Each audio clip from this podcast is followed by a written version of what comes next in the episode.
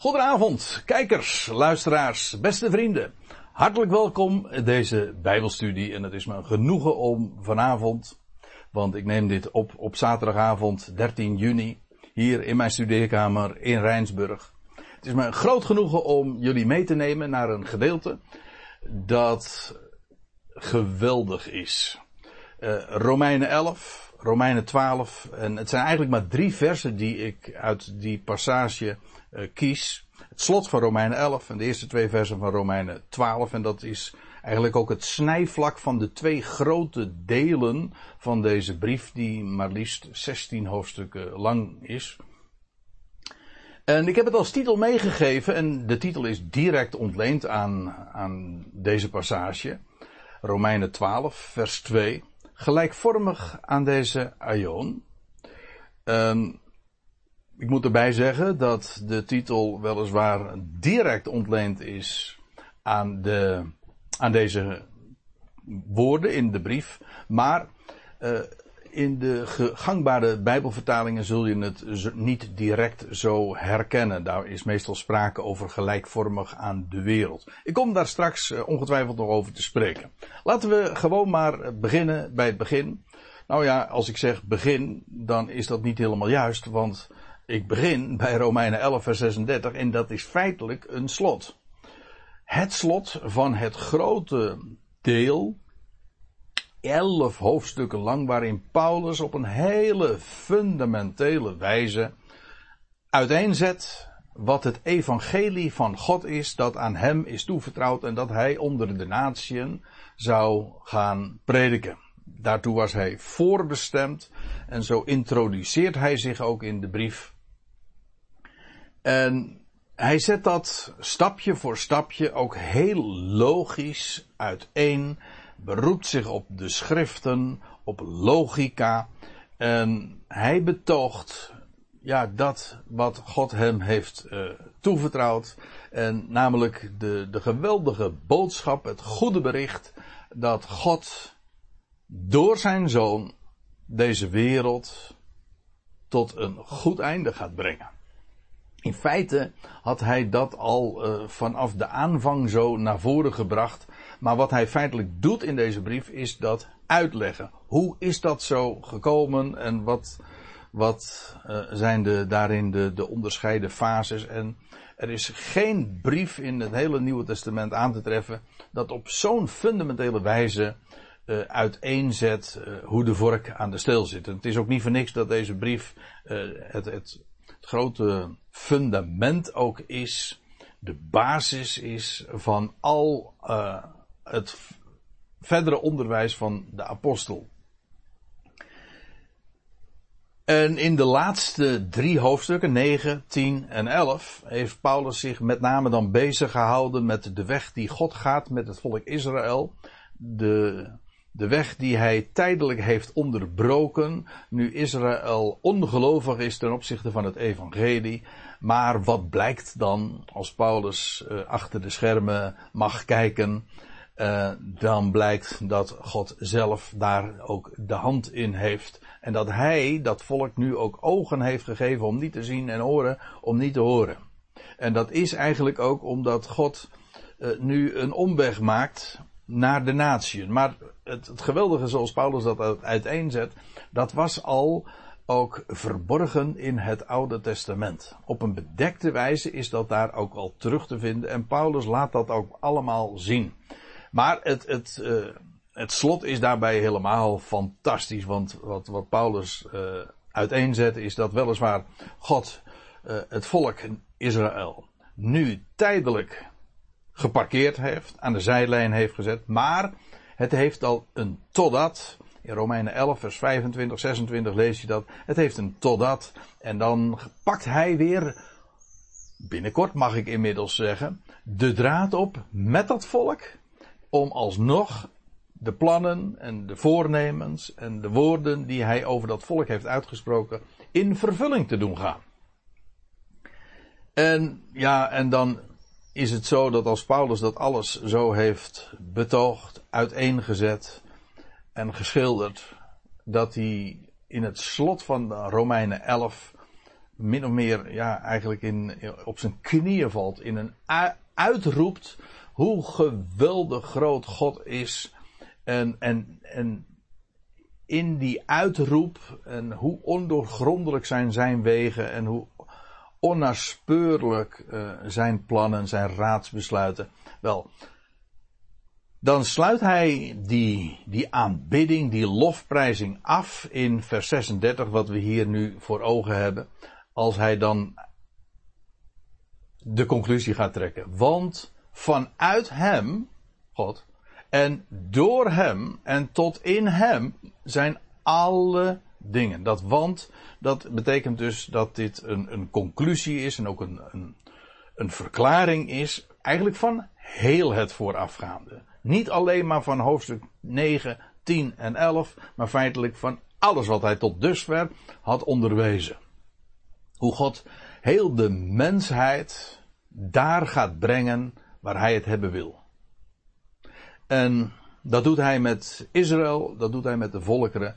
Via allerlei aanvliegroutes maakt Paulus die waarheid bekend en zet hij het uiteen en, en toont hij het ook aan. En hij gebruikt drie voorzetsels. Vanuit, door en tot in. En in die drie voorzetsels ligt begrepen de oorsprong, maar ook het kanaal, het middel en ook de bestemming van heel de schepping. Alles, alle dingen, tapanta, is vanuit hem, dat wil zeggen, God is de schepper van alle dingen. Ook van goed en kwaad. Er is niets wat hij niet gecreëerd heeft. Alles is vanuit hem, maar alles bestaat ook door hem. En hij is degene die het in handen heeft en die zijn weg gaat op inderdaad onverklaarbare wijze, maar niettemin, hij is God. Het, zoals het allemaal vanuit hem is, zo is het ook allemaal door hem. En hoezeer de wereld of ook religieuze mensen daar hun vragen bij stellen of dat tegenspreken. Niettemin is het zo dat uh, uiteindelijk het wel degelijk zo zal zijn dat uh, dat ook zal blijken dat hij degene is uh, vanuit en door wie alles is. Want dat zal uiteindelijk ook bewezen worden als alles ook weer tot in hem zal zijn. Zoals het vanuit hem is, is het ook weer tot in hem. En dat betekent, het is alles. Uh, komt uh, uiteindelijk weer bij hem terecht. Hij is de Vader God die, die alles voortbracht, maar hij is ook de Vader God die alles weer tot zichzelf verzamelt en aan zijn hart brengt. Dat is niet alleen maar een, een uiteenzetting van wie God is als de plaatser, maar het is boven alles ook de uiteenzetting van dat Hij Vader is en zijn schepping niet loslaat, niet prijsgeeft, maar door tijdperken heen uh, brengt daar waar zijn plan dat reeds tevoren had voorzegd en uh, zoals hij dat zich had voorgenomen. Vanuit hem, door hem, tot hem zijn alle dingen. En vandaar ook aan hem de heerlijkheid. Tot in de Ionen, niet tot in eeuwigheid. Dat, uh, dat woord eeuwigheid, dat is een heel uh, naargeestig woord in, in, de theologie geworden. Omdat men daar allerlei elementen en gedachten en concepten en leerstukken en dogma's in gestopt heeft. Die absoluut niet bijbels zijn. De Bijbel spreekt niet over een eindeloze eeuwigheid. De Bijbel spreekt over, over ionen wereldtijdperken. En, en door die tijdperken heen uh, vervult God zijn voornemen. Vandaar ook dat Paulus in de Efezebrief spreekt over het voornemen van de Ionen. En feitelijk wat hier ook staat, het is een, maar geen, geen wens, ook geen aanvoegende wijs, het is een vaststelling. Aan hem, die God, vanuit, door wie en tot wie alles is. Aan hem behoort de heerlijkheid. De, de glorieuze uitkomst van al zijn wegen is volstrekt aan hem toe te schrijven. Hij is degene die dat beschikt. Hij is God. En die heerlijkheid behoort hem toe en hij is degene die ook garant staat voor die uitkomst. Hij is God. Aan hem de heerlijkheid. Tot in de Ionen, want dat, is, dat zijn de, de tijden die hij zich reserveert om dat alles te realiseren. Wereldtijdperken. Wij denken als mensen in, in jaren, hooguit decennia en een, een hele enkeling die mag van een eeuw spreken, maar, maar, de, maar, de, maar, maar de God van de Bijbel, dat is de God van de Ionen. Wereldtijdperken. Zoals er wereldtijdperken achter ons liggen, eh, zo komen er ook nog wereldtijdperken waarin God uiteindelijk eh, zijn plan totaal gaat realiseren. Gefaseerd en ook eh, naar zijn gemaakt bestek. Geweldig is dat. En Paulus brengt deze ode aan God en, en dan zegt hij, dat is de waarheid. Zo is het. Amen. Die Hebreeuwse uitroep Amen, dat is een bevestiging. Zo en niet anders is het. Nou. En dan begint er een nieuw hoofdstuk, maar ik moet er meteen even bij zeggen natuurlijk, maar de meeste luisteraars die weten dat inmiddels wel, denk ik. Uh, die hoofdstukindeling is van veel later, uh, van veel later datum en is alleen maar voor het gemak eraan toegevoegd. Uh, Paulus heeft niet in hoofdstukken geschreven en ook niet in versnummers. Dat is alleen maar handig voor ons als lezers. Maar je moet je realiseren dat Paulus gewoon hier verder gaat. Neemt niet weg dat die hoofdstukindeling natuurlijk niet voor niks is. Het is niet voor niks dat de, de vertalers en of de, de, de bewerkers en de, degene die dit zo hebben geëdit, uh, hier een nieuw hoofdstuk laten aanvangen. Want hier vangt inderdaad een heel nieuw deel aan. Feitelijk, de hele brief valt uiteen in twee delen. Hoofdstuk 1 tot en met 11. Waarvan we zojuist het slotvers lazen. En hoofdstuk 12 tot en met 16. En het eerste is echt leer. Nee, ik heb het niet over dat spul waar uw schoenen van gemaakt zijn. Uh, want dat is, kan nogal eens taai zijn. En heel veel leer en ook heel veel leer van mensen en heel veel kerkleer is inderdaad taai. Maar dit is leer, dit is onderwijs, dit is levend onderwijs. En wel, dat specifieke deel waarin Paulus onderwijs geeft, gaat nu over naar een deel dat een min of meer een conclusie is voor de praktijk. Waarin de praktijk, de toepassing daarvan uh, in ons leven, individueel, maar ook gezamenlijk als geloofsgemeenschap of in welke sector of in welk aspect van ons leven ook, uh, dat zijn weerslag gaat krijgen. Dat is Romeinen 12 tot en met 16. Dat is onmiskenbaar. Je ziet trouwens die verdeling tussen leer eh, en praktijk in heel veel brieven terug. De Efezebrief is er ook een bekend voorbeeld van. Neem me niet kwalijk. Efeze 1 tot en met 3 is onderwijs. Efeze 4, 5 en 6, dat is de praktijk. Ik hou er niet zo van om om dat leer of onderwijs te, terug te brengen tot theorie, want dat suggereert alsof het alleen maar iets is van, van data, van, van uh, iets waar je buiten staat. Dat is het niet. Het is wel heel uitdrukkelijk onderwijs, dat wel. En zoals het ook heel duidelijk uh, zo is dat vanaf Romeinen 12 het gaat over de toepassing in onze praktijk.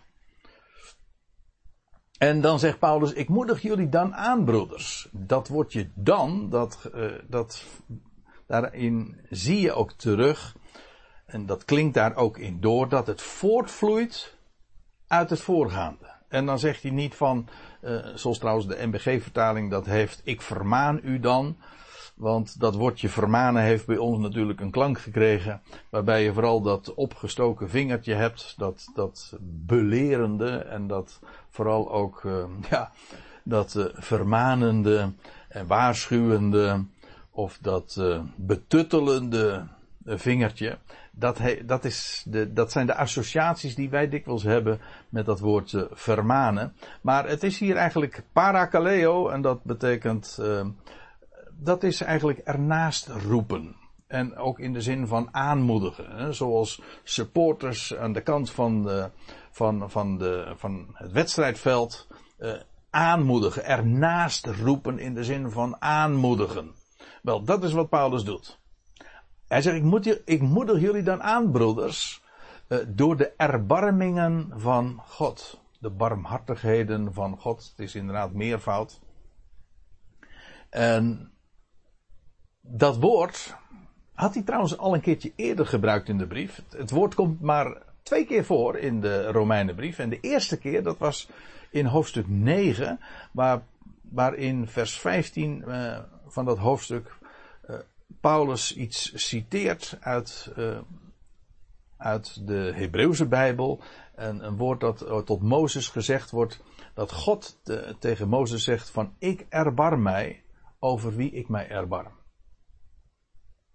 En trouwens ook, en ik verhard ook wie ik wil. God excuseert zich niet. Hij trekt zijn plan. Hij trekt zijn spoor. En dat doet hij onnavolgbaar. Maar uh, het geweldige is, uh, weliswaar, hij erbarmt zich nu in de praktijk over enkelen. Maar, en dat was trouwens uh, Romeinen 11, vers 32, dat God zegt, dat, dat Paulus ook uh, al, al min of meer samenvat. Dat hij zegt van ja, uh, God uh, heeft allen onder de, de weerbarstigheid besloten. alle mensen zijn inderdaad zondaren, maar er staat erbij om zich over allen te ontfermen. Gods liefde gaat naar he, heel zijn schepping en naar ieder creatuur om een heel eenvoudige reden. Het is zijn creatuur. Het is, het is van hem. Het komt uit hem voort. Hij heeft het zelf gemaakt. En daarom is zijn erbarming uiteindelijk ook voor iedereen. Ook al komt dat gefaseerd tot zijn schepselen. God roept vandaag eerstelingen. Ja, waarom? Om die in te gaan zetten uh, voor de rest. Voor de rest van de oogst. Dat verloopt allemaal gefaseerd.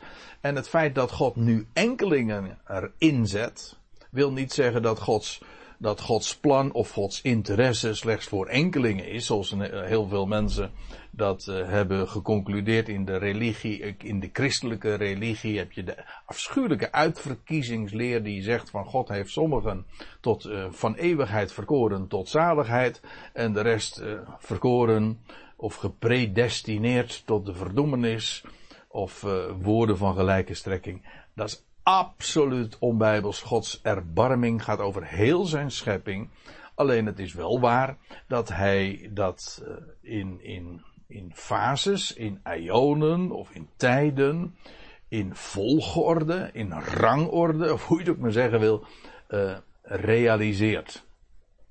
En met, met dat ook in gedachten zegt Paulus, ik moedig jullie aan, broeders, door de erbarmingen van God. Hè? En die hadden ze inmiddels uh, leren kennen. Dat wil zeggen, Paulus had het allemaal in deze brief zo onderwezen. Hij zegt met een beroep daarop. Uh, op die erbarmingen van God. Uh, moedig ik jullie aan jullie lichamen te presenteren. In de MBG-vertaling staat jullie lichamen te stellen. In de zin ook van beschikbaar te stellen.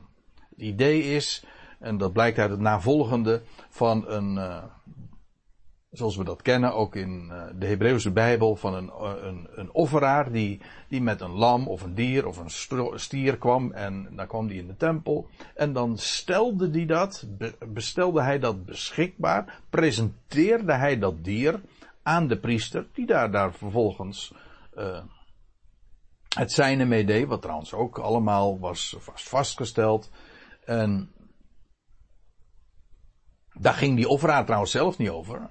Die, die, die maakte dat lichaam, uh, of die, dat offer, dat dier, niet zelf tot een, een offer. Nee, hij presenteerde het slechts. En, en zo van, alstublieft, hier is het. En dan is het eigenlijk God zelf die dat dan beschikt en dat tot een offer maakt. Dat is de gedachte. En wat wij mogen doen, mogen doen, is een voorrecht. Ons lichaam te presenteren. Paulus spreekt het meervoud uh, tot de broeders. Hij zegt, en, en wie dan ook van de gelovigen, dat jullie je lichamen stellen, beschikbaar stellen. Zo, alsjeblieft God, hier is het. En hij is het die het dan vervolgens tot een offer maakt.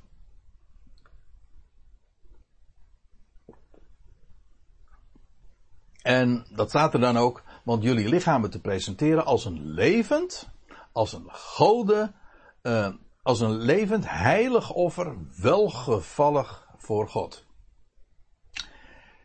En ja, dat is eigenlijk ook weer iets wat uh, voortvloeit uit het eerdere onderwijs.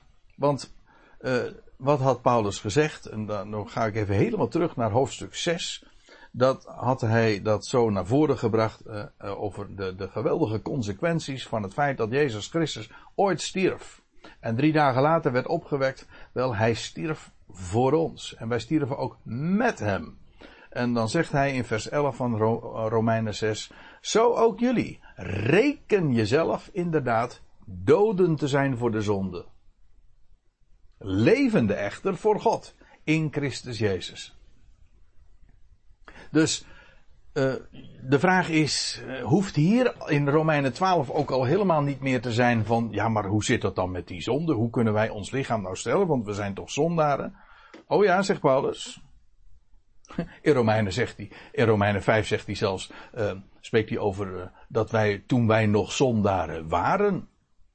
Wij rekenen onszelf helemaal niet meer als zondaren. Is die zonde er dan niet? Nee, voor God niet.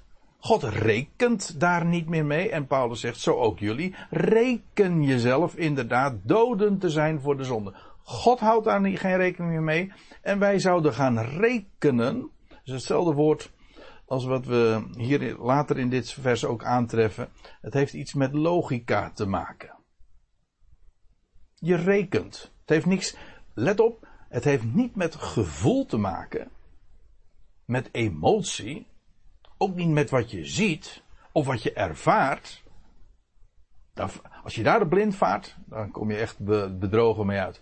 Leven uit geloof wil zeggen, God zegt, zo is het. Voor mij leef jij.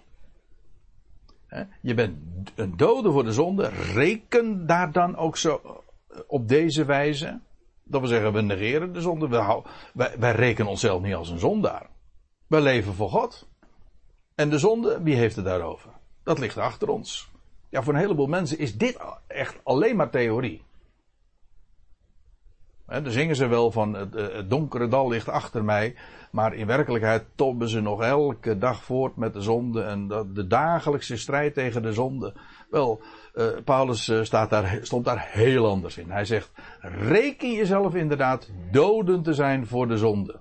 Dat ligt achter ons.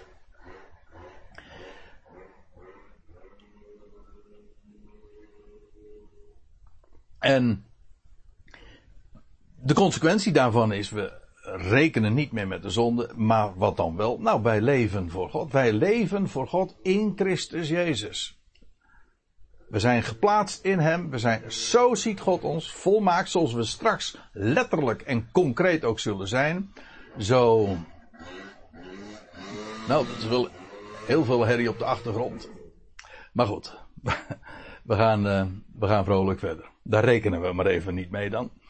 Uh, wat Paulus hier naar voren brengt, is uh, wij, wij, wij leven voor God. En God ziet ons volmaakt in, in zijn zoon.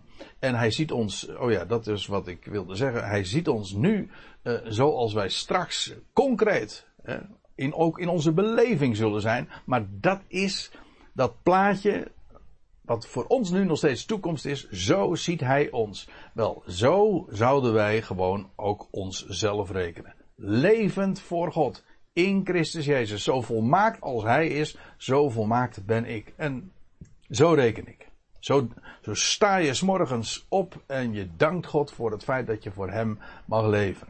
En de zonde, dat is iets waar we helemaal niets meer mee hebben te schaften. En ik weet dat er heel wat mensen zijn die zeggen van nou dat vind ik maar veel te makkelijk. Maar ik kan het u echt aanbevelen om dit in geloof ook te accepteren. En zoals Paulus dat ook doet. Leef voor je God. En accepteer, aanvaard zoals God jou ziet. In zijn zoon, Christus Jezus. En dan kun je inderdaad, ook als je eenmaal die les geleerd hebt, dan kun je zeggen, ja, wat doe je dan? Met je lichaam. Nou, dat stel je beschikbaar aan God. Je presenteert het aan Hem. En Hij maakt het tot een levend offer, een heilig offer. Hem gewijd, welgevallig voor Hem. En dat is dus niet iets wat gereserveerd is voor, voor de verre toekomst. Nee, wij wandelen nu al in, in nieuwheid van leven. Dat is, dat is geen toekomstmuziek, dat is de realiteit voor vandaag. En dat is geweldig als je zo'n leven nu mag kennen. En, ik wilde trouwens ook graag nog eventjes dit aan toevoegen. Dat heel vaak, over, als het gaat over dat praktische gedeelte van een brief, zoals hier in de Romeinenbrief, dat het zo vaak wordt voorgesteld als van ja, in het eerste deel gaat het dan over de leer, over het onderwijs. En in het tweede deel, dan zou het gaan over wat wij dan bijdragen en wat wij moeten doen. Zo van een, een soort van weegschaal. Van ja, dit is wat God gedaan heeft en nou, en nou mag jij ook aan de slag. Want zo, maar zo is het niet. Het is, het is, het, het, het is een logisch voortvloeisel. Zo is het. En zo mogen wij als een voorrecht.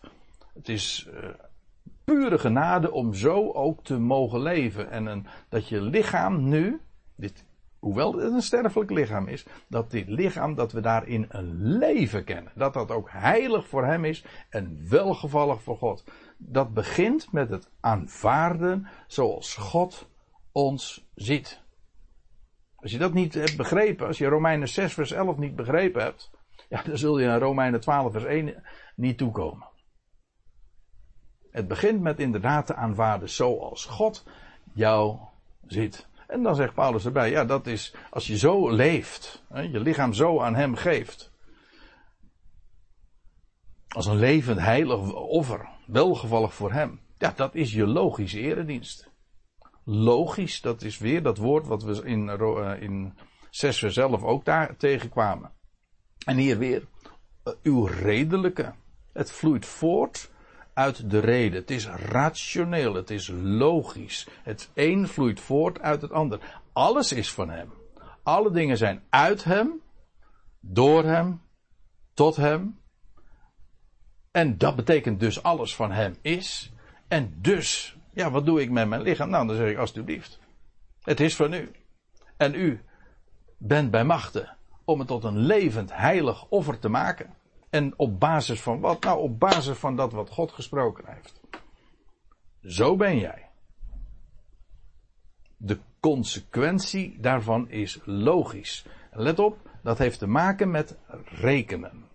Met in geloof, geloofslogica, in aanvaarden zoals Hij jou ziet. En daar in de praktijk ook van uitgaan. En gevoel is niet het uitgangspunt ik ben er wel van overtuigd dat als je eenmaal zo gaat leven, vanuit die logica, vanuit dat woord, trouwens woord is ook logica, is logos, vanuit dat woord gaat leven, dan zul je heel veel gaan beleven ook. Dan zul je ook veel vreugde en vrede en, en hoop gaan, gaan, gaan beleven elke dag. En ja, dat, dat noem ik echt ook leven. Maar je moet niet het paard achter de wagen spannen. Het begint met geloof. Het aanvaarden van wat God gesproken heeft.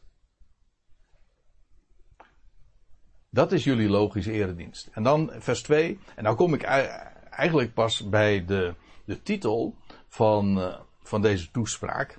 Gelijkvormig aan deze aion. Want dat is wat Paulus dan zegt. En wordt niet gelijkvormig aan deze aion. Dat en, ja, dat is een, dat kun je opvatten als een, een, een plus. Zo van, uh, niet alleen dit, maar ook dat.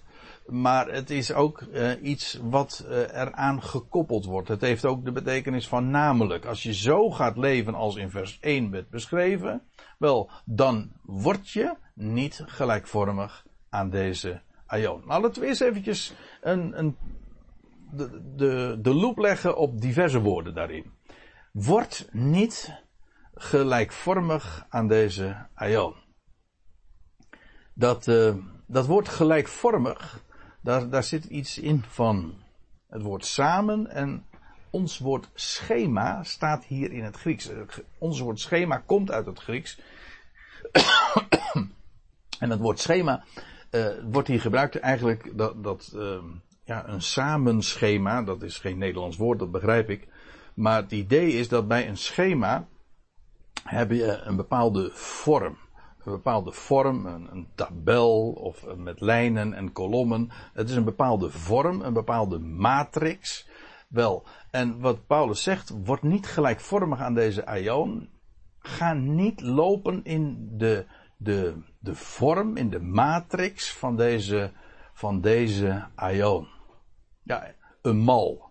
Ja, dat zoals ik dat op dat plaatje ook uitdruk, met zo'n zo'n zo'n zo'n schelpje zo, waar een kind mee speelt op het strand.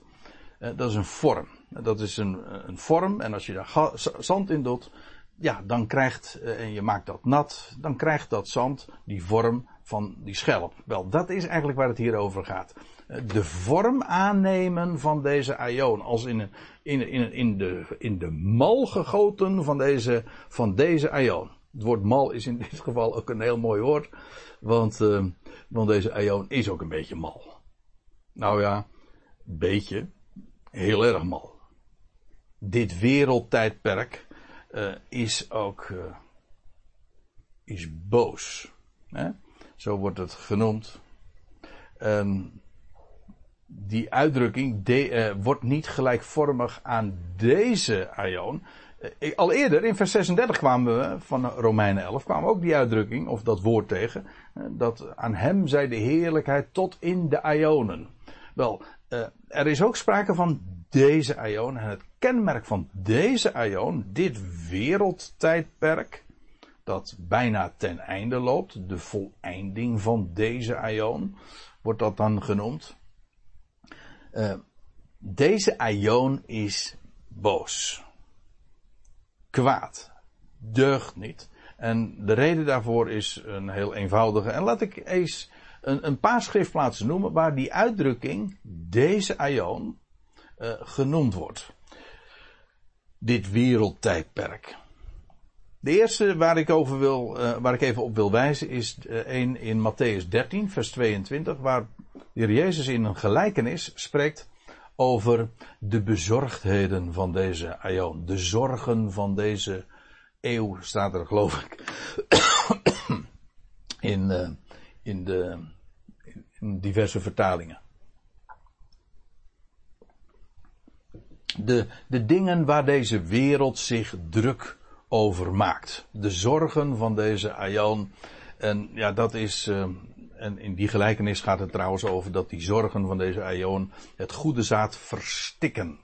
En dat is ook precies zoals het werkt.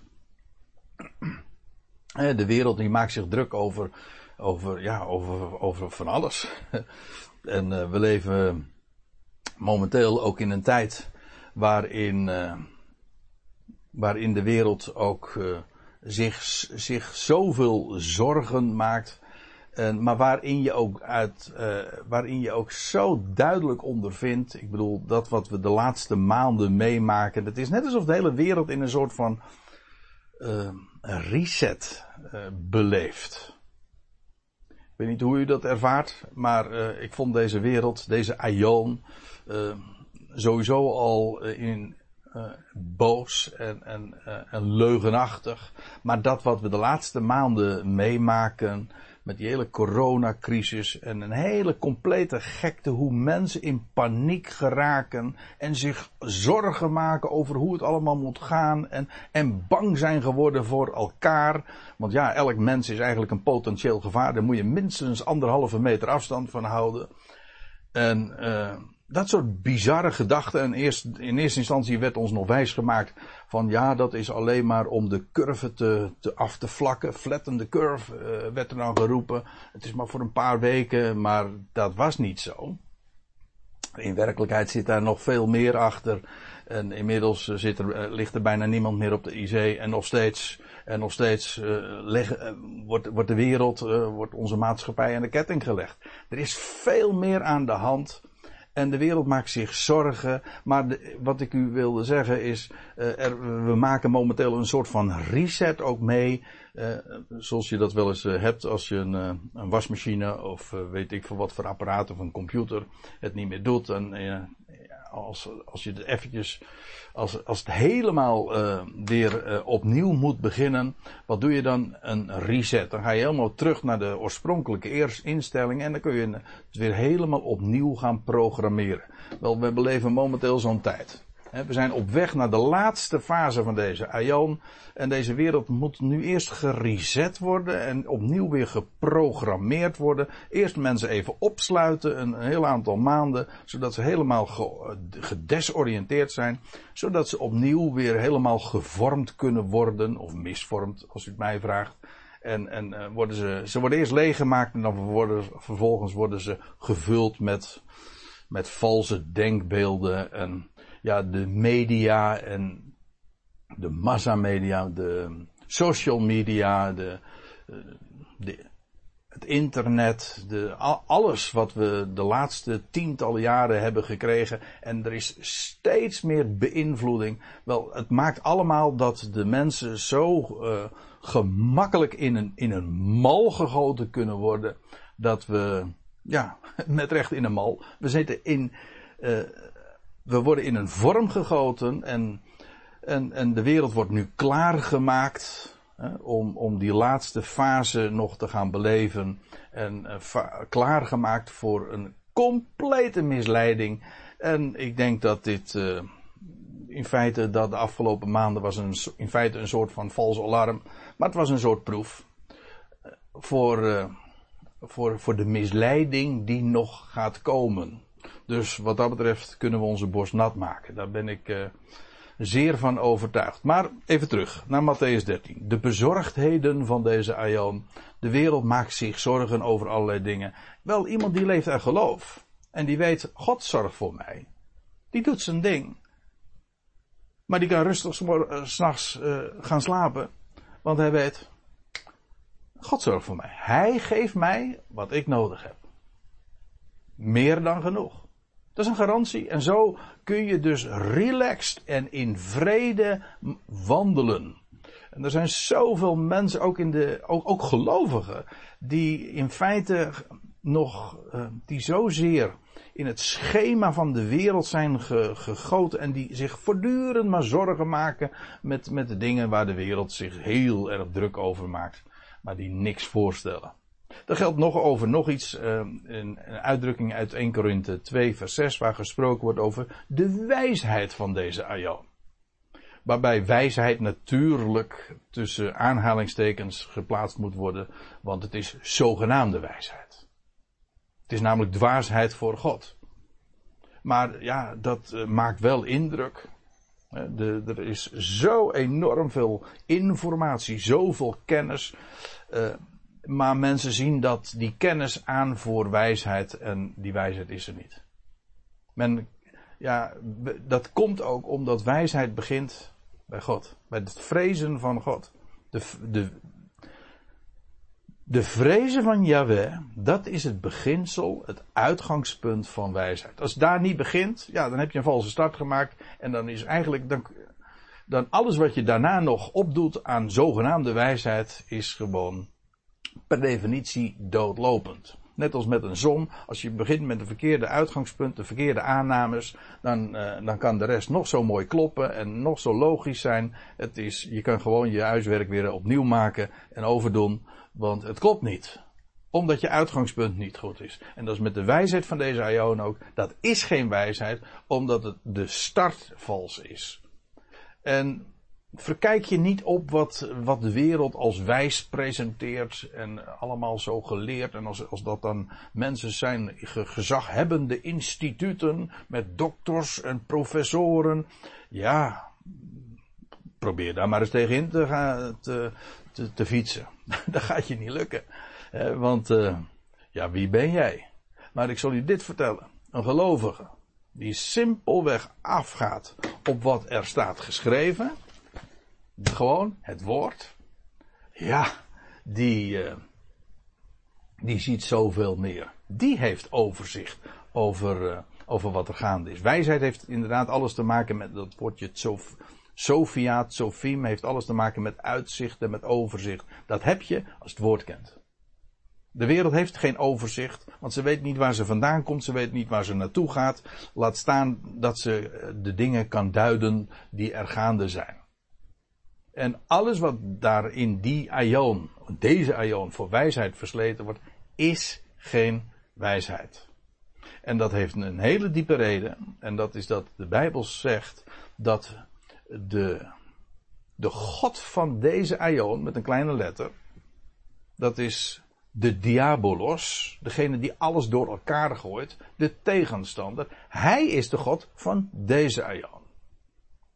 Dat wil zeggen, uh, niet omdat hij deze, uh, deze wereld of zo kan claimen, maar hij heeft de denkzin van de mensheid in deze aion verblind, zodat, uh, ze, zodat hij inderdaad de, de, degene is die, die dat alles, de hele denkzin van de mensheid leidt en, en, en, en stuurt en die de denkzin van, uh, ja, van de mensheid daarmee dus ook verblindt. En zodat ze ook het, uh, de waarheid van God niet zien. Maar God zij dank, deze Aion die loopt op zijn eind. En dan, ja, dan uh, wordt deze, de God van deze Aion ook ontroond. En die mag dan een verdieping lager. Hè, die wordt hij in de afgrond ge, geworpen. En dan komt trouwens nog, een, nog een verdieping lager. Dus uh, dat komt helemaal goed met, met deze wereld. Maar dat is niet in deze aion, maar in de aionen die nog gaan volgen. Ik denk dat we er heel goed aan doen om te onderkennen dat deze aion door en door fout is en fout denkt. En, en zich zorgen maakt die uh, iemand die leeft in geloof, niet kent, en die ook geen idee heeft van de wijsheid van God. Sterker nog, uh, dat wordt dwaasheid. In de, in, ja, dat is namelijk wel het risico. Sterker nog, het is uh, een absolute consequentie. Als je God kent, uitgaat van zijn woord, dan, word je, dan moet je ermee rekenen dat je in de ogen van de wereld, hm, van deze aion, gewoon voor dwaas versleten bent. Dan ben je een gekkie en dan, eh, dan, dan spoor je niet en je hebt een. Uh... Daar is geen enkel begrip voor. En is dat leuk om zo, uh, om zo buitengesloten te zijn? Nou, misschien niet, maar ik moet u zeggen, het is als je weet van ja, dit is mijn wereld niet. ik, ik, ik, ik mag putten uit een bron die, die zo groot is en zo heerlijk is en zo overtreffend is dat ik niet de minste behoefte heb om, om, uh, om in de verblinding van deze Ayan uh, te, te moeten leven of wat daarvoor doorgaat. Want laat me, laat me wel wezen dat uh, zoals de, de wereld leeft, dat is geen leven. Die, die, mist dat uitzicht dat, je mag kennen als je, als je de God mag, mag, mag kennen. Nou ja, uh, dat even over deze aion. Dus een paar keer vind je die uitdrukking deze aion, maar het is altijd heel negatief. omdat deze aion dus uh, boos is en met name ook omdat de waarheid in deze aion ten onder wordt gehouden en geregeerd wordt door de leugen. Nou, uh, weer even terug, Romeinen 12. Wordt niet gelijkvormig aan deze aion, Laat je niet gieten in de vorm, in de mal, in de, in de matrix eh, van deze aion, maar onderga een metamorfose. Het woord metamorfose, wat hier in, de, in deze weergave ook gebruikt wordt, is inderdaad ook een Grieks woord wat Paulus hier uh, gebruikt. Dat, het is een totale omvorming. Zoals we dat in de natuur ook kennen. En het bekendste voorbeeld is dat wat er plaatsvindt met een rups die een metamorfose ondergaat en wordt tot een vlinder. Vast aan, aan deze aarde zittend en dan in het proces van metamorfose tot een vlinder wordt die vrij uit de blauwe hemel invliegt. Wel, dat kan. In plaats van gelijkvormig te worden aan deze aion, zouden we een, een metamorfose ondergaan. En ja, dat is iets wat, wat je overkomt. Het is een, een, rups die maakt zichzelf niet tot een vlinder. Nee, dat wordt hij. En hoe gaat dat dan in zijn werk? Hoe onderga je dan een complete gedaanteverwisseling, een metamorfose? Wel, zegt Paulus, in de vernieuwing van het denken. Waaruit trouwens nog iets blijkt, en dat is dat gelijkvormig aan deze aion, dat wil niet zeggen dat je, dat je doet wat deze wereld doet, of je zelfs je kleedt zoals de wereld kleedt, uh, of uh, dat soort, of werkt zoals de wereld werkt. Nee, het heeft te maken met denken zoals de wereld denkt. Die gelijkvormigheid aan deze aion wordt gecontrasteerd met een vernieuwing van het denken. En dat dat consequenties heeft in je gedrag enzovoorts. Dat zal waar wezen, maar het zit aan de binnenkant. Het heeft te maken met eh, hoe ondergaan wij een metamorfose, omdat wij heel anders denken. En de reden daarvoor is niet omdat wij een andere trucjes hebben om, om, om dingen ons eigen te maken of te leren of een ander soort logica erop nahouden. Nee, we hebben een heel andere input. We krijgen heel andere dingen te horen.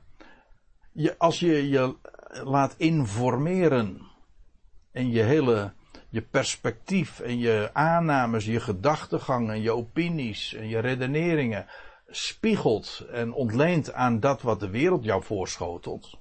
En nooit is er een tijd geweest waarin we zozeer, zeg maar, uh, aan, aan die leiband ge, verondersteld worden uh, van de wereld als juist in deze tijd. Juist omdat we voortdurend in contact zijn, online zijn met, met, uh, met, ja, met wat de wereld ons allemaal voorschotelt. Maar met die input, ja, kom je dus per definitie op een dwaalspoor. Want dat is namelijk precies deze aion. Met de verblinding en met de duisternis en met de, ook de zorgen, de moeite, de angst, paniek en dat wat normaal is. Want ja, de wereld heeft ook zo zijn eigen ideeën gekregen over wat normaal is. En wat wij, eh, wat voor, tot voor kort nog asociaal genoemd werd, heet nu ineens social distancing. Het is compleet bizar. Maar als je vernieuwd wordt in het denken en je, je hebt, ja, je ontleent je wijsheid aan wat God zegt. Ja, dan kijk je op een heel andere wijze. En dan weiger je dingen normaal te noemen die de wereld misschien nu wel normaal voor, uh, voorhoudt. Nee, wij hebben een andere input, we krijgen andere informatie. We voeden ons met de woorden Gods, zoals Hij de dingen ziet. En wat Hij ons voorhoudt, hoe de dingen zijn. Ja, dan krijg je een, eh, dan word je inderdaad uh, getransformeerd in het denken. Ik zou haar zeggen, uh, over hersenspoeling willen spreken. In de zin van dat het een verschoning is van het denken. Maar uh, hersenspoeling heeft natuurlijk een wat uh, negatieve klank. Maar het is wel zo dat, je, dat we in ons denken gereinigd worden. Zoals de wereld nu voortdurend uh, gedesinfecteerd wordt. Je kan nergens binnenkomen, een supermarkt of een zwembad of weet ik veel waar. Eh, dat je je handen moet desinfecteren. Wel, als je in aanraking gekomen bent met het denken van deze wereld, moet je je even laten desinfecteren. spiritueel, rationeel, gewoon in je denken, moet je weer even ge, ja, ook gereset worden. En moet je weer even terug naar de bron en zo weer verschoond te worden. Dat is wat we nodig hebben, dat woord. In de vernieuwing van het denken. En uh, hoezo dan wel? Wat gebeurt er dan opdat jullie, zegt Paulus in het slot van vers 2, opdat jullie zouden toetsen wat de wil van God is. Het goede, welgevallige en het volmaakte. Dat is wat karakteristiek is voor Gods wil. De wil van de God, zoals het er letterlijk staat. Die ene God. Wel, hij heeft een wil. En wat is, en hoe, waardoor wordt die wil gekenmerkt? Doordat het goed is. Het is ook welgevallig. Het is aangenaam. Dat is wat het woordje welgevallig betekent. En het is ook volmaakt. Het is perfect. Gods wil, zoals zijn woord, maar zijn woord maakt zijn wil ook bekend. Wel, zijn woord is goed, aangenaam, volmaakt. En dat is wat ons transformeert. En, zo, en, dat, en dat gaan we dan ook toetsen in de zin ook van proefondervindelijk beleven. Opdat jullie zouden toetsen, dat is uh, beproeven ondergaan, ondervinden. Dat we, dat ons, ja, wat de wil van God is. Doordat we ons denken veranderd wordt. Doordat we luisteren naar zijn woord en ons beschikbaar stellen aan hem. En, en zo transformeert hij ons. En worden we, ja, wordt, wordt in dit lichaam uh, leven. Uh, gegoten. Ja? Levend woord. En kunnen we inderdaad leven en uh, vrucht dragen, vreugde ondergaan, tot zijn eer en glorie uh, wandelen elke dag. Een zegen zijn voor de mensen om ons heen. Trouwens, uh, als je wil weten hoe dat er verder ook uitziet en hoe dat gaat, lees gewoon door in Romeinen 12. Paulus brengt daar geweldige dingen naar voren over, over hoe ons leven dan wordt en hoe dat er gaat uitzien. En, en ja, dat staat haaks op, op deze aion en wat in deze wereld en deze aion voor normaal versleten wordt. Maar eh, ik zou zeggen, prijs jezelf gelukkig als je niet normaal bent in de ogen van deze wereld. En onttrek je daaraan. En en kijk daarop neer, uh, ik bedoel op het denken van deze Aion. Want zij denken dat het wijs is, maar het is dwaas. Wel, uh, zo'n zo'n soort leven, echt leven, dat, uh, dat wens ik jullie allemaal toe. En, en, en om je zo je, gevuld te worden, dat, dat, je, dat dit holle vat, om het zo te noemen, dit lichaam is een, is een aardevat, ja, dat is leeg, maar dat wordt gevuld eh, met zijn woord en wat er dan allemaal te beleven valt, dat is ongekend. En ja, dat is een geweldig, eigenlijk ook voorspel en een voorsmaak van wat, er, wat we in de toekomst allemaal nog gaan ontvangen en beleven. En dat is de toekomst uh, waar we naar uitzien. Nou, dat zijn van die dingen die ik uh, graag uh, met jullie wilde delen in deze, vanuit deze drietal versen in de Romeinenbrief. Hartelijk dank voor jullie aandacht. God zegen allemaal en tot een volgende keer.